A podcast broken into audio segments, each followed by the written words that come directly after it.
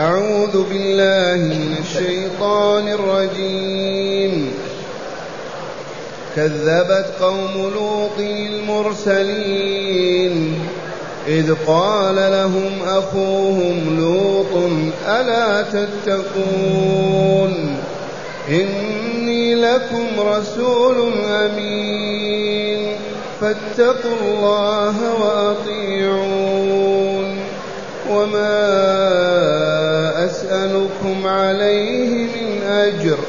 إن أجري إلا على رب العالمين. أتأتون الذكران من العالمين؟ وتذرون ما خلق لكم ربكم من أزواجكم؟ بل أنتم قوم عادون. قالوا لئن لم تنته يا لوط لتكونن من المخرجين. قال إني لعملكم من القالين.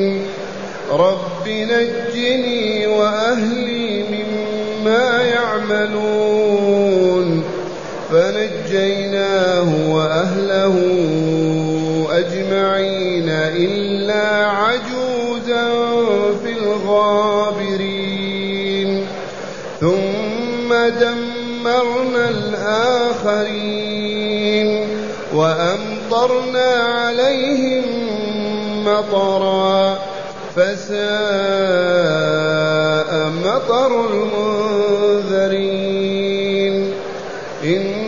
في ذلك لآية وما كان أكثرهم مؤمنين وإن ربك لهو العزيز الرحيم أحسنت. معاشر المستمعين والمستمعات من المؤمنين والمؤمنات قول ربنا جل ذكره كذبت قوم لوط المرسلين. هذا خبر يخبر الله تعالى به وهو صدق وحق. كذبت قوم لوط المرسلين. من هو لوط عليه السلام؟ هذا لوط ابن هاران. ابن أخ إبراهيم عليه السلام. كان في باب أرض العراق مع عمه إبراهيم. فلما هاجروا ومعهم سارة لما صدر الحكم بإعدام إبراهيم ونجاه الله ترك تلك البلاد وهاجر. معه زوجته وابن أخيه لوط. فلما وصلوا إلى أرض الشام نبأ الله تعالى وأرسل لوطا إلى مدن سدوم وعمورة عند الأردن على أنه رسول الله إليهم يبلغهم دعوة الله عز وجل ليعبدوا الله وحده ويتجنبوا مآثم وذنوب لا ينبغي للإنسان المؤمن أن يفعلها. فأخبر تعالى عنه فقال كذبت قوم لوط المرسلين. قومه أي الذين أرسل إليهم بسم الله ليدعوهم إلى الله ليعبدوه ويتقوه. لما وصل إليهم ودعاهم إلى عبادة الله وترك تلك الفاحشة المنكرة كذبوا. وما صدقوا. فقال لهم إذ قال لهم أخوهم لوط هذه الأخوة ليست أخوة نسب ولا أخوة دين هذه أخوة وطن. فالأخوات النسب أخوة والدين أخوة والوطن أخوة من قومه. من أرض دياره. فلوط عليه السلام قال لهم أخوهم في ماذا؟ ما هو في النسب ولا في الدين ولكن في الوطن الذي معهم يعيش معهم. إذ أرسله الله إليهم. ماذا قال لهم؟ ألا تتقون كما قالها نوح وإبراهيم وصالح وشعيب وصالح نعم. ألا تتقون؟ وهو كالاستفهام لكن معناه الأمر اتقوا. ما المانع أن تتقوا؟ لم ما تتقون ربكم؟ وأنتم عبيده وأمره وسلطانه عليكم. كيف تعصونه وتخرجون عن طاعته؟ وهو ربكم. ألا تتقون؟ دعاهم إلى أن يتقوا الله وأمرهم بتقواه والتقوى تكون بطاعة الله عز وجل بفعل أوامره وترك نواهيه وهو رسول الله إليهم أرسله الله إليهم ليعلمهم وليهديهم ويبين لهم الطريق من أجل والله أن يكملوا ويسعدوا.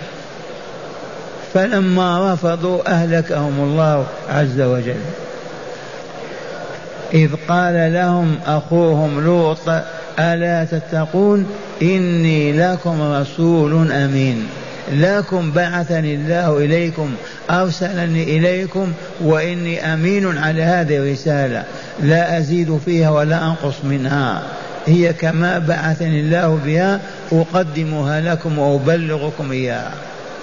وعامة الرسل أمناء. وكل الدعاة إلى الله يجب أن يكونوا أمناء لا زيادة ولا نقص ولا تقديم ولا تأخير. لأن أمانة الله ائتمنهم عليها. يجب أن يؤدوها كما هي. ما يجحدون شيئا أو يخفونه أو يأتون بشيء ما جاء به الله. إني لكم رسول أمين. فاتقوا الله وأطيعون. هذه التي قالها نوح وقالها هود وقالها صالح وقال إبراهيم فاتقوا الله وأطيعون.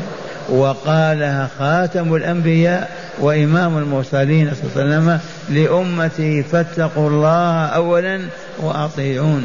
اتقوا الله آمنوا به وحدوه واعبدوه وحده بما شرع لكم من أنواع العبادات. ثم قال أيضا وما أسألكم عليه من أجر. ما أطلب منكم مالا لا دينار ولا درهما لا تمر ولا قمح ولا شعير أبدا. أبلغكم دعوة الله مجانا. وإنما أجري ومثوبتي وجزائي على الله. الذي كلفني وأرسلني هو الذي يعطيني الأجر. أما أنتم خذوها نقية واضحة سليمة ما نطالبكم بشيء أبدا ولا كأسمع إن أجري إلا على الله. إن أجري إلا على الله رب العالمين. من هو رب العالمين؟ الله جل جلاله. ما معنى رب العالمين؟ مالكهم وخالقهم وسيدهم وإلههم. لأن كلمة رب تشمل المالك السيد المعبود الإله الحق.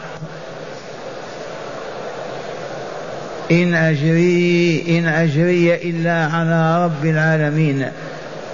ثم قال لهم أتأتون الذكران من العالمين؟ هذا الاستفهام إنكار إنكار توبيخي. أتأتون الذكران من العالمين؟ ومعنى هذا أن الرجل ينزو على الذكر ويطأه كما توطأ المرأة والعياذ بالله تعالى. وعلمهم هذه الفاحشة إبليس لعنة الله عليه لعنة الله عليه. علمهم هذه الفاحشة يأتون في أنديتهم والعياذ بالله. أتأتون الذكران أي الذكور من العالمين منكم ومن غيركم من كل الناس؟ وبخاصة الضيوف إذا دخلوا بلادهم لا يسلمون منهم ولا ينجون. أتأتون الذكران من العالمين؟ وتذرون أي وتتركون ما خلق الله لكم ربكم من أزواجكم. كيف هذا؟ تأتون الفاحشة مع الرجال وتتركون النساء. هذا مسخ نهائيا. فقدوا عقولهم فقدوا أخلاقهم فقدوا وجودهم. كيف هذا يتم؟ بتزيين الشيطان عليه لعائن الرحمن. هو الذي زين لهم هذا وعلمهم كيف يفعلون في ناديهم. وما نعم أتأتون الذكران من العالمين وتذرون أي وتتركون ما خلق لكم ربكم من أزواجكم؟ إذا بل أنتم قوم عادون معتدون ظالمون. حقا والله لمعتدون لأن الاعتداء وضع الشيء في غير موضعه. أي ظلم أعظم من هذا الظلم؟ أي اعتداء أفحش من هذا الاعتداء؟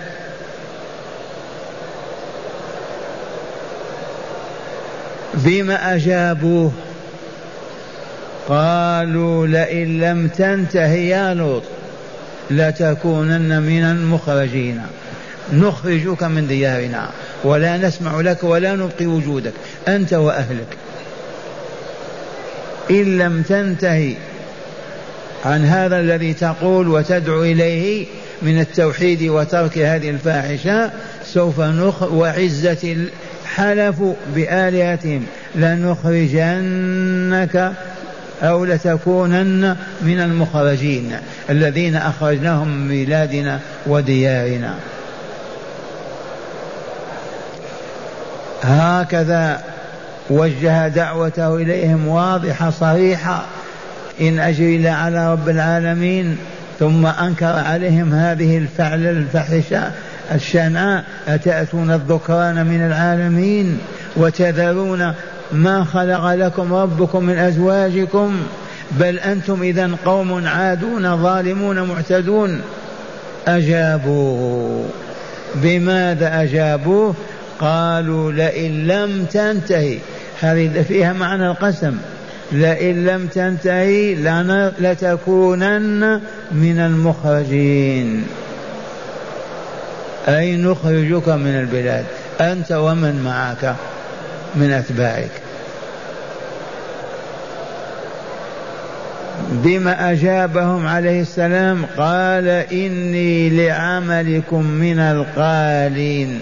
أي المبغضين الساخطين عليه.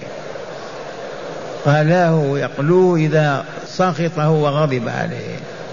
إني لعملكم هذا العمل الفاحش إتيان الذكور وترك النساء من القالين المبغضين له. لست براضي ولا بسامح به. إني لعملكم من الغالين من القالين. ولما واصل دعوته سنين وما تبين له خير وعجز وهددوه بالإخراج فزع إلى ربه. قال ربي يا ربي نجني وأهلي مما يعملون. نجني وأهلي والمراد من أهله بنتاه وأمهما. وأما العجوز الأخرى فهي هالكة مع الهالكين. رب نجني وأهلي مما يعملون من هذا الشر والظلم والفساد. رب نجني وأهلي أهلهما ابنتان له وأمهما مسلمة ومعهما ضر له مرة عجوز كافرة خبيثة. كانت هي التي تأتي باللصوص إلى بيته. وتقول عندنا ضيوف تعالوا. قال تعالى فنجيناه وأهله أجمعين. فنجينا لوطا صلى الله عليه وسلم وأهله يعني ابنتيه وأمهما المسلمة أجمعين. وذلك بأن أمر لوطا ومن معه أن يخرجوا. من البلاد من سدوم وعمورة. ما إن خرجوا بعيدا حتى خسفت بهم الأرض وأصبح ظاهر الأرض أسفل وأسفل الأرض ظاهر. ثم أرسل عليهم حجارة هذه الحجارة أصابت العجوز التي مشت معهم خارج البلاد فأهلكتها. إذا فنجيناه وأهله أجمعين إلا عجوزا في الغابرين أي في الهالكين. خرجت ولكن أصابت حجارة وماتت وهي هاربة في الطريق. فالذين كانوا داخل المدن خسف الله بهم الأرض. وإلى الآن البحر البحيرة المنتنة موجودة إلى الآن بين فلسطين والأردن. والذين كانوا خارج البلاد أرسل الله عليهم حجارة من السماء أهلكتهم عن آخرهم. ما نجا أحد إلا لوط وأسرته فقط. إلا عجوزا في الغابرين ثم دمرنا الآخرين. آلاف ملايين أمة كاملة أهلكهم الله عن آخرهم. ما نجا إلا لوط وأهله فقط. ثم دمرنا الآخرين. وأمطرنا عليهم مطرا. هذا مطر ما هو ماء من السماء حجارة صواعق. دمرتهم تدميرا كاملا. أمطرنا عليهم من مطرا فساء مطر المنذرين. ما أقبح وما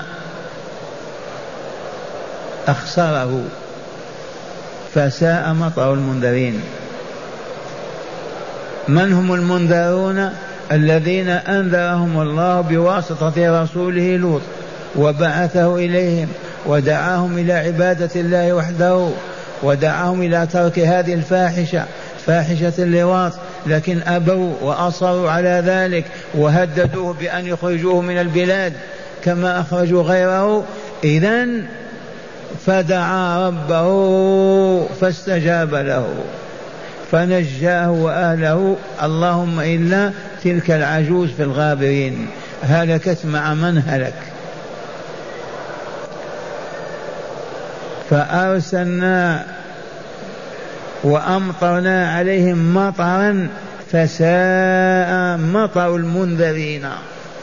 ما أقبح مطر من أنذرهم الله وأبوا أن يستجيبوا له وأصروا على عنادهم وكفرهم وفسقهم وفجورهم. وقوله تعالى إن في ذلك لآية هذا الذي كون يرسل رسولا إلى أمة يدعوها إلى ربها فترفض الدعوة ولا تستجيب له وتصر على الشرك وينهى عن أقبح فاحشة فتصر على ذلك وفي النهاية يهددونه بإخراجه من البلاد. في هذا أعظم آية تدل على وجود الله وأنه لا إله إلا الله وأن محمدا رسول الله وأن البعث الآخر حق. إذ هذه آية تدل على صدق محمد فيما يدعو إليه إذ أنزلها الله عليه بالوحي الإلهي. إن في ذلك الآية وما كان أكثر من سمع من أهل مكة من الطغاة والجبابرة والظلمة ما كانوا بمؤمنين لأن الله كتب ذلك أزلا عليهم. لن يموتوا إلا على الشرك والكفر والعياذ بالله تعالى. وبالأمس قدمنا وقلنا المعجزات لا تستلزم الإيمان أبدا. فهؤلاء شاهدوا معجزات ما آمنوا. فالمعجزة فقط من بان من باب إحقاق الحق وإبطال الباطل. فإن رفض الناس القبول للحق ورفضوا دعوة الحق انتقم الله منهم وسلط عليهم نقمته في الدنيا والآخرة. معاشر المستمعين هذه الفاحشة فاحشة اللواط محرمة بالإجماع عند كل الأمم ولا تحل أبدا في البشر وما حلها إلا إبليس لقوم لوط. والحكم فيها الإعدام. والرسول الكريم يقول اقتلوا الفاعل والمفعول. اقتلوا الفاعل لهذه الفاحشة والمفعول به. ما يقال هذا مظلوم مفعول به لا يقتل. اقتلوا الفاعل والمفعول.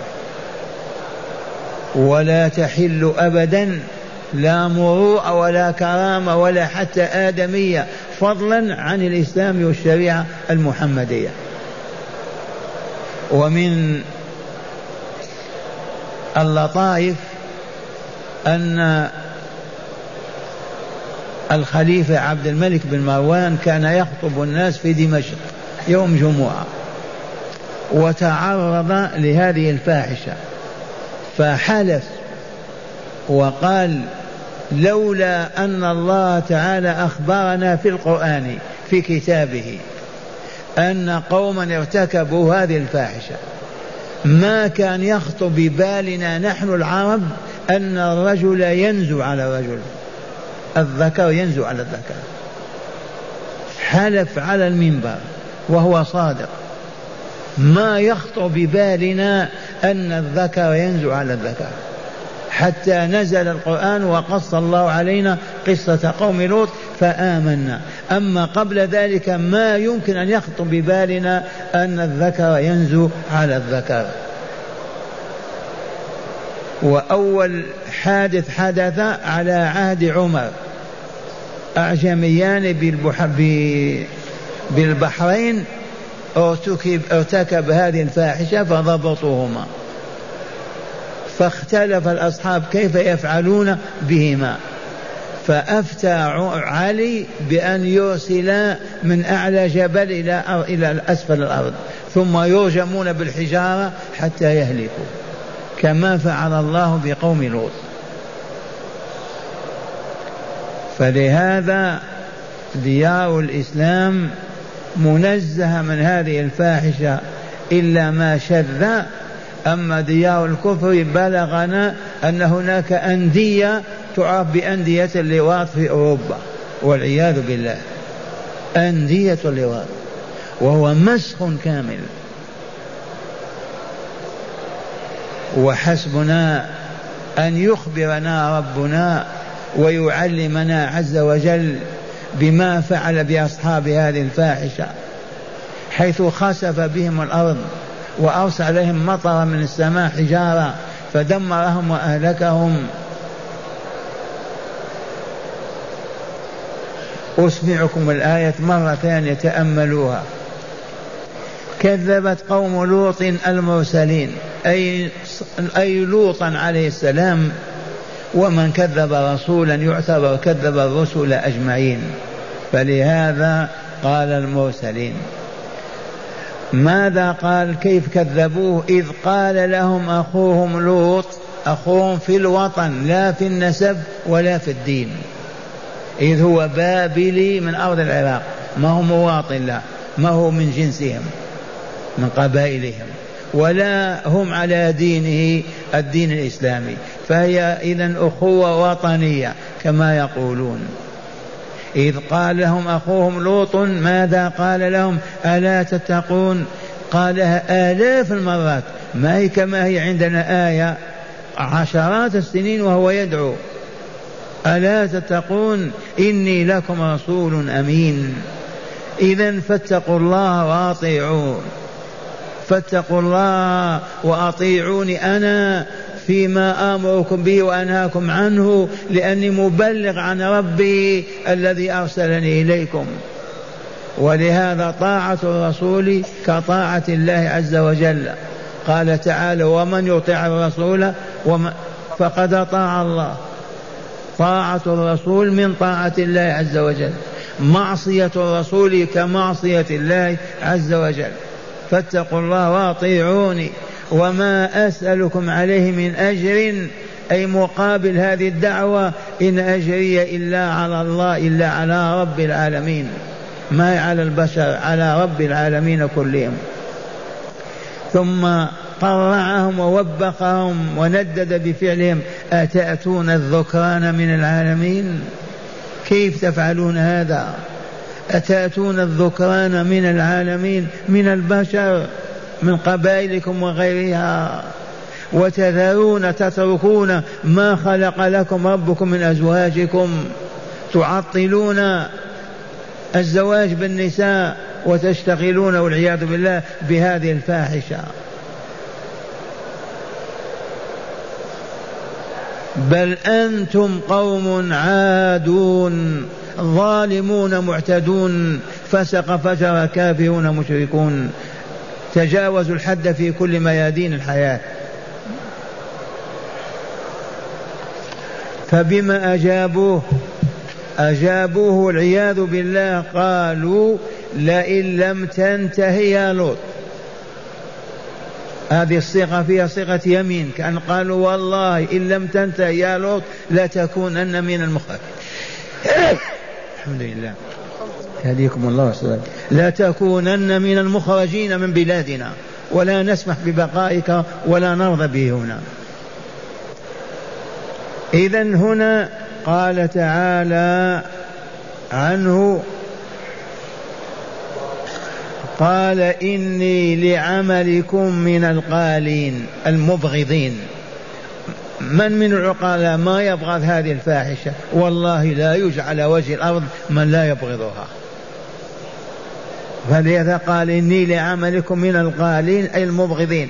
ثم رفع يديه إلى ربه داعيا سائلا ربي نجني وأهلي مما يعملون من هذه الفاحشة المنكرة. واستجاب الله له. إذا قال تعالى فنجيناه وأهله أجمعين. الذي بلغنا أن له بنتان مؤمنتان بنتا لوط وله أمهما مرأة مؤمنة صالحة. وأما العجوز فقد أهلكها الله بعدما خرجت من البلاد. فنجيناه وأهله أجمعين إلا عجوزا في الغابرين. تعرفين تعرفون العجوز من تجاوزت الستين والسبعين. هي العجوز في الغابرين الهالكين الذين هلكوا. ثم دمرنا الآخرين. والله ما نجا أحد. الآن البحيرة المنتنة معروفة أو البحر المنتن. البحر الميت. موجودة إلى الآن. تحتها مدن ضخمة عظيمة. من سدوم وعمورة أصبحت تحت الأرض والماء فوقها. والذين شردوا خارج المدينة أرسل الله أمطر الله عليهم مطرا فأهلكهم عن آخرهم وهلكت معهم هذه العجوز. ثم دمرنا الآخرين وأمطرنا عليهم مطرا ليس ماء السماء لتسقى به الأرض لا هذه حجارة من السماء. فلهذا قال تعالى فساء مطر المنذرين والعياذ بالله. من هم المنذرون؟ قوم لوط. ما أنذرهم كذا من السنين وهم مصرون على الباطل وعلى الشرك والفاحشة هذه. فساء مطر المنذرين. ثم قال تعالى ختما لهذه القصة إن في ذلك الذي سمعت يا عبد الله يا رسول الله يا عاقل فيه آية تدل على أنه والله لا إله إلا الله وأن محمد رسول الله صلى الله عليه وسلم. من أنزل هذا الكلام؟ من قاله أليس الله؟ من نزل على من نزل أليس محمد رسول الله؟ إذا لا إله إلا الله محمد رسول الله. والدار الآخرة حق. وهذه هي ما تحمل الصور المكية من تحقيق العقيدة وتصحيحها وهي التوحيد والنبوة والبعث الآخر. وقوله تعالى ولا وما كان أكثرهم مؤمنين لأن الذين سبق في علم الله وقضاء وقدره أنهم لا يؤمنون يشاهدون الآيات وما يؤمنون. يشاهدون الآيات ويحضرون مكانها ولا يؤمنون لأن الله حكم بهلاكهم قبل أن يخلقهم. ولهذا هل آمن أهل مكة بهذه الآيات دخلوا في الإسلام؟ سبعون بطلا صنديدا هلكوا في بدر. بعد سنين وهم يسمعون. بعد عشر سنة بعد ثلاث عشر سنة. وهم يسمعون وما استجابوا. لماذا؟ لأن الله كتب في كتاب المقادير أن فلان فلان لا يؤمنون ولا يدخلون الجنة. وما كان أكثرهم مؤمنين. وإن ربك يا رسول الله يا من يسمع كلنا ربنا الله وإن ربك لهو العزيز أي الغالب القاهر الذي لا يغالب ولا يمانع في شيء يريده أبدا. والرحيم بأوليائه وعباده المؤمنين. الحمد لله رب العالمين مع هداية الآيات.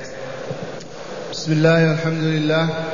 من هداية هذه الآيات أولا جواز إطلاق أخوة الوطن دون الدين والنسب. جواز إطلاق لفظ الأخوة الوطنية أخذناها من القرآن. ما نقول لابد أن يكون أخوة نسبية من قبيلتي أو أخوة دينية. وجدنا أخوة ثالثة. ما هي؟ الوطنية. أخونا في الوطن. أما في الدين لا لا.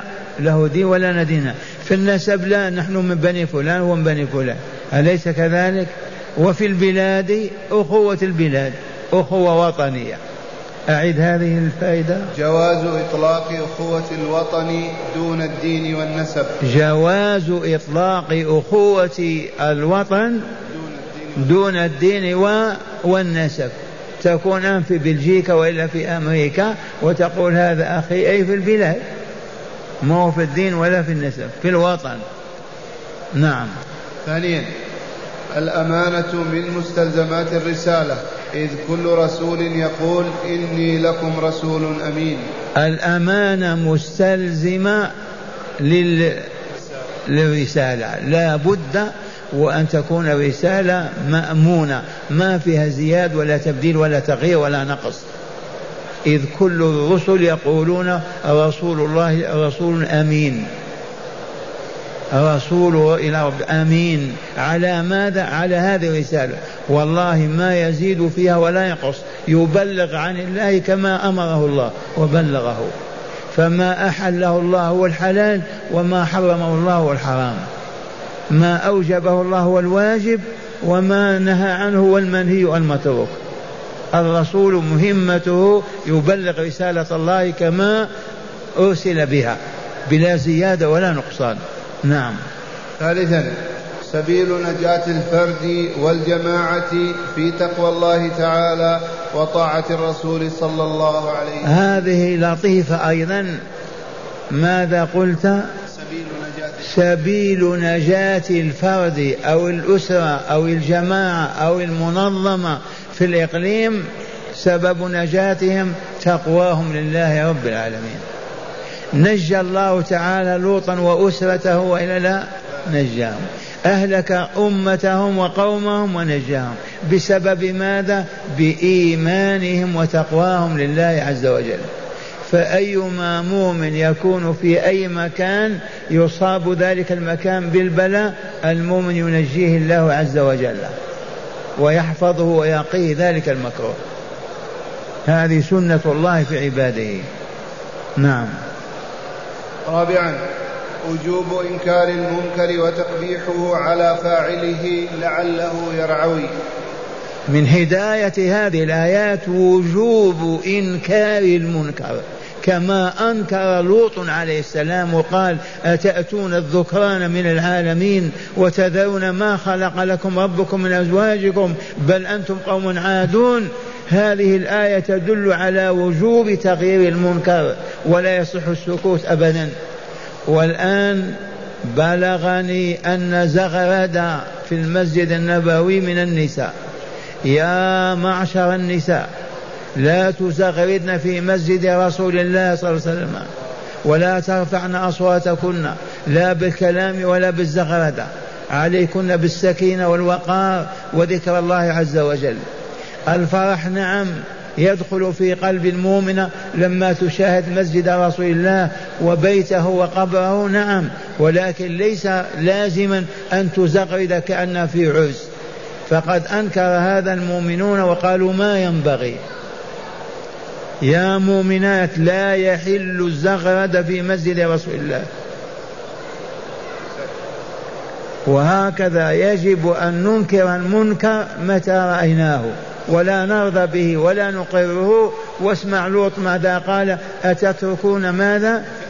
أتأتون الذكران من العالمين؟ يوبخهم ويقرعهم ويؤدبهم وتتركون ما خلق لكم ربكم من أزواجكم بل أنتم قوم عادون ظالمون معتدون. خامسا أكبر فاحشة وقعت في الأرض هي فاحشة اللواط والعياذ بالله تعالى. حقا أكبر فاحشة وقعت على سطح الأرض من عهد آدم إلى اليوم هي فاحشة اللواط. لا أفحش منه أبدا.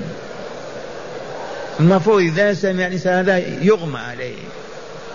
ولكن إذا فسدت القلوب وانطمست البصائر واستولى الشيطان على القلب وأصبح يسوق الإنسان كالحيوان يقوده إلى أفحش من هذا والعياذ بالله. وحسبكم ما سمعتم أن هناك أندية في أوروبا لهذه الجريمة. سادسا التهديد بالنفي سنة بشرية قديمة. لطيفة سياسية. قال التهديد بالنفي. هذه سنة بشرية من قديم الزمان. ما هددوا لوطا أن أن يخرجوه من البلاد وإلا لا؟ لنخرجنك لتخرجن كذا لتكونن من المخرجين. فأيما أهل بلاد يظهر أحدهم أو شخص يؤذيهم يتعرض لهم بذا يخرجونه يسمونه بالنفي وينفونه من البلاد. سنة بشرية موجودة في القرآن الكريم. عرفتم هذه السنة؟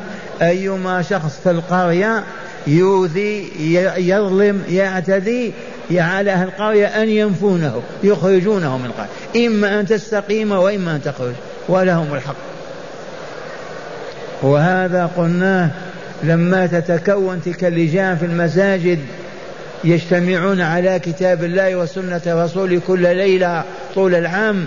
أهل القرية يكونون لجنة من الإمام والواعظ وشيخ القرية أو عمدتها واثنين أو ثلاثة من أهل الفضل تتكون لجنة. تقوم بسد حاجة أهل القرية من جوع وإلا طعام وإلا دواء وإلا ثم إذا شخص شذ وتطرف في القرية أو في الحي وأبى أن يستقيم يرفعون به شكوى إلى المسؤولين ليبعدوه عنهم. ما استجيب لهم يخرجونه هو من قريتهم أو مدينتهم. سابعا وجوب بغض الشر والفساد في أي صورة من صورهما. وجوب بغض الشر والفساد. وجوب بغض الشر والفساد. على كل مؤمن ومؤمنة أن يبغض الشر والفساد أن يبغض الفاحشة أن يبغض الذنب والإثم. ما عندنا ذنب ولا إثم أبدا. نستحليه أو نرضى به أبدا يجب أن نبغضه. كل ظلم كل خبث كل شر كل فساد على المؤمن أن يبغضه. ماذا قال لوط إني لكم من القالين أي المبغضين لعملكم هذا. وهذا شأن المؤمن. إذا يرضى بالخبث يعمله. فلا بد وأن نسخط ونغضب ولا نرضى بمعصية أبدا لله في بلادنا. ثامنا استجابة دعوة المظلوم لا سيما إن كان من الصالحين.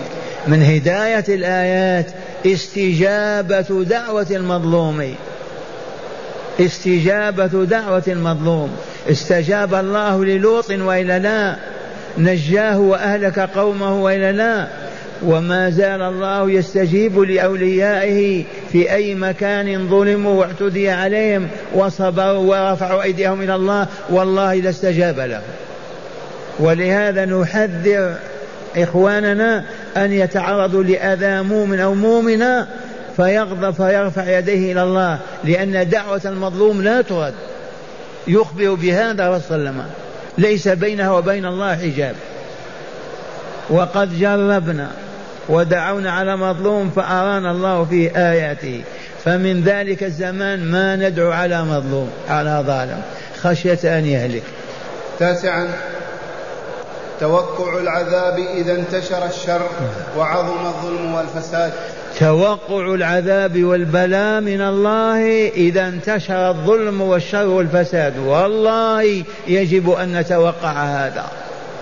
إذا انتشر الخبث والظلم وشر الفساد لا بد أن نتوقع أن محنة إلهية تنزل بالأرض وقد تم هذا في كثير من البلاد. هذا من هداية الآية. نعم. عاشرا الآيات مهما كانت عظيمة لا تستلزم الإيمان والطاعة. كما بينا المعجزات الآيات مهما ما كانت عظيمة ما تستلزم الطاعة صاحبها يطيع أبدا. شاهدوا الآيات ما آمنوا. ما قلنا جبل بقبيس فلق القمر فلقتين وإلا لا؟ وأخبر تعالى بقول اقترب الساعة وانشق القمر وما آمنوا. عصى موسى ويده التي كأنها فلقة قمر شاهدها مئات الآلاف وما آمنوا. وإنما آمن عدد قليل وهم السحرة فقط. فلهذا ما تطالب أنت بالمعجزة حتى يؤمن الناس. ليست مستلزمة. فقط بلغ دعوة الله وبين الطريق ويسلكوا من هداهم الله وهيأهم لسعادة الآخرة والنزول في الجنة دار السلام. حدي عشر من لم يسبق له الإيمان لا يؤمن ولو جلب عليه كل آية. إيه، كما قدمنا من كتبه الله في كتاب المقادير أنه لا يؤمن والله ما يؤمن. لو تأتي المعجزات من فوق رأسه ومن تحته لأن الله كتب شيء لا بد وأن ينفذ. فلهذا نفزع إلى الله عز وجل ونقول اللهم اجعلنا من المؤمنين الصالحين. اللهم اجعلنا من المؤمنين الصالحين. وتوفنا وأنت راضي عنا يا رب العالمين. وأخيرا مظاهر قدرة الله وعلمه ورحمته. مظاهر قدرة الله وعلمه ورحمته. فإن ظهرت هذه في إهلاك أمة بكاملها قدرة وإلا لا مظهر الرحمة ما نجى المؤمنين وأنجاهم وأنقذهم وأهلك الظالمين والفاسقين وهذا يتجلى في الحياة كلها.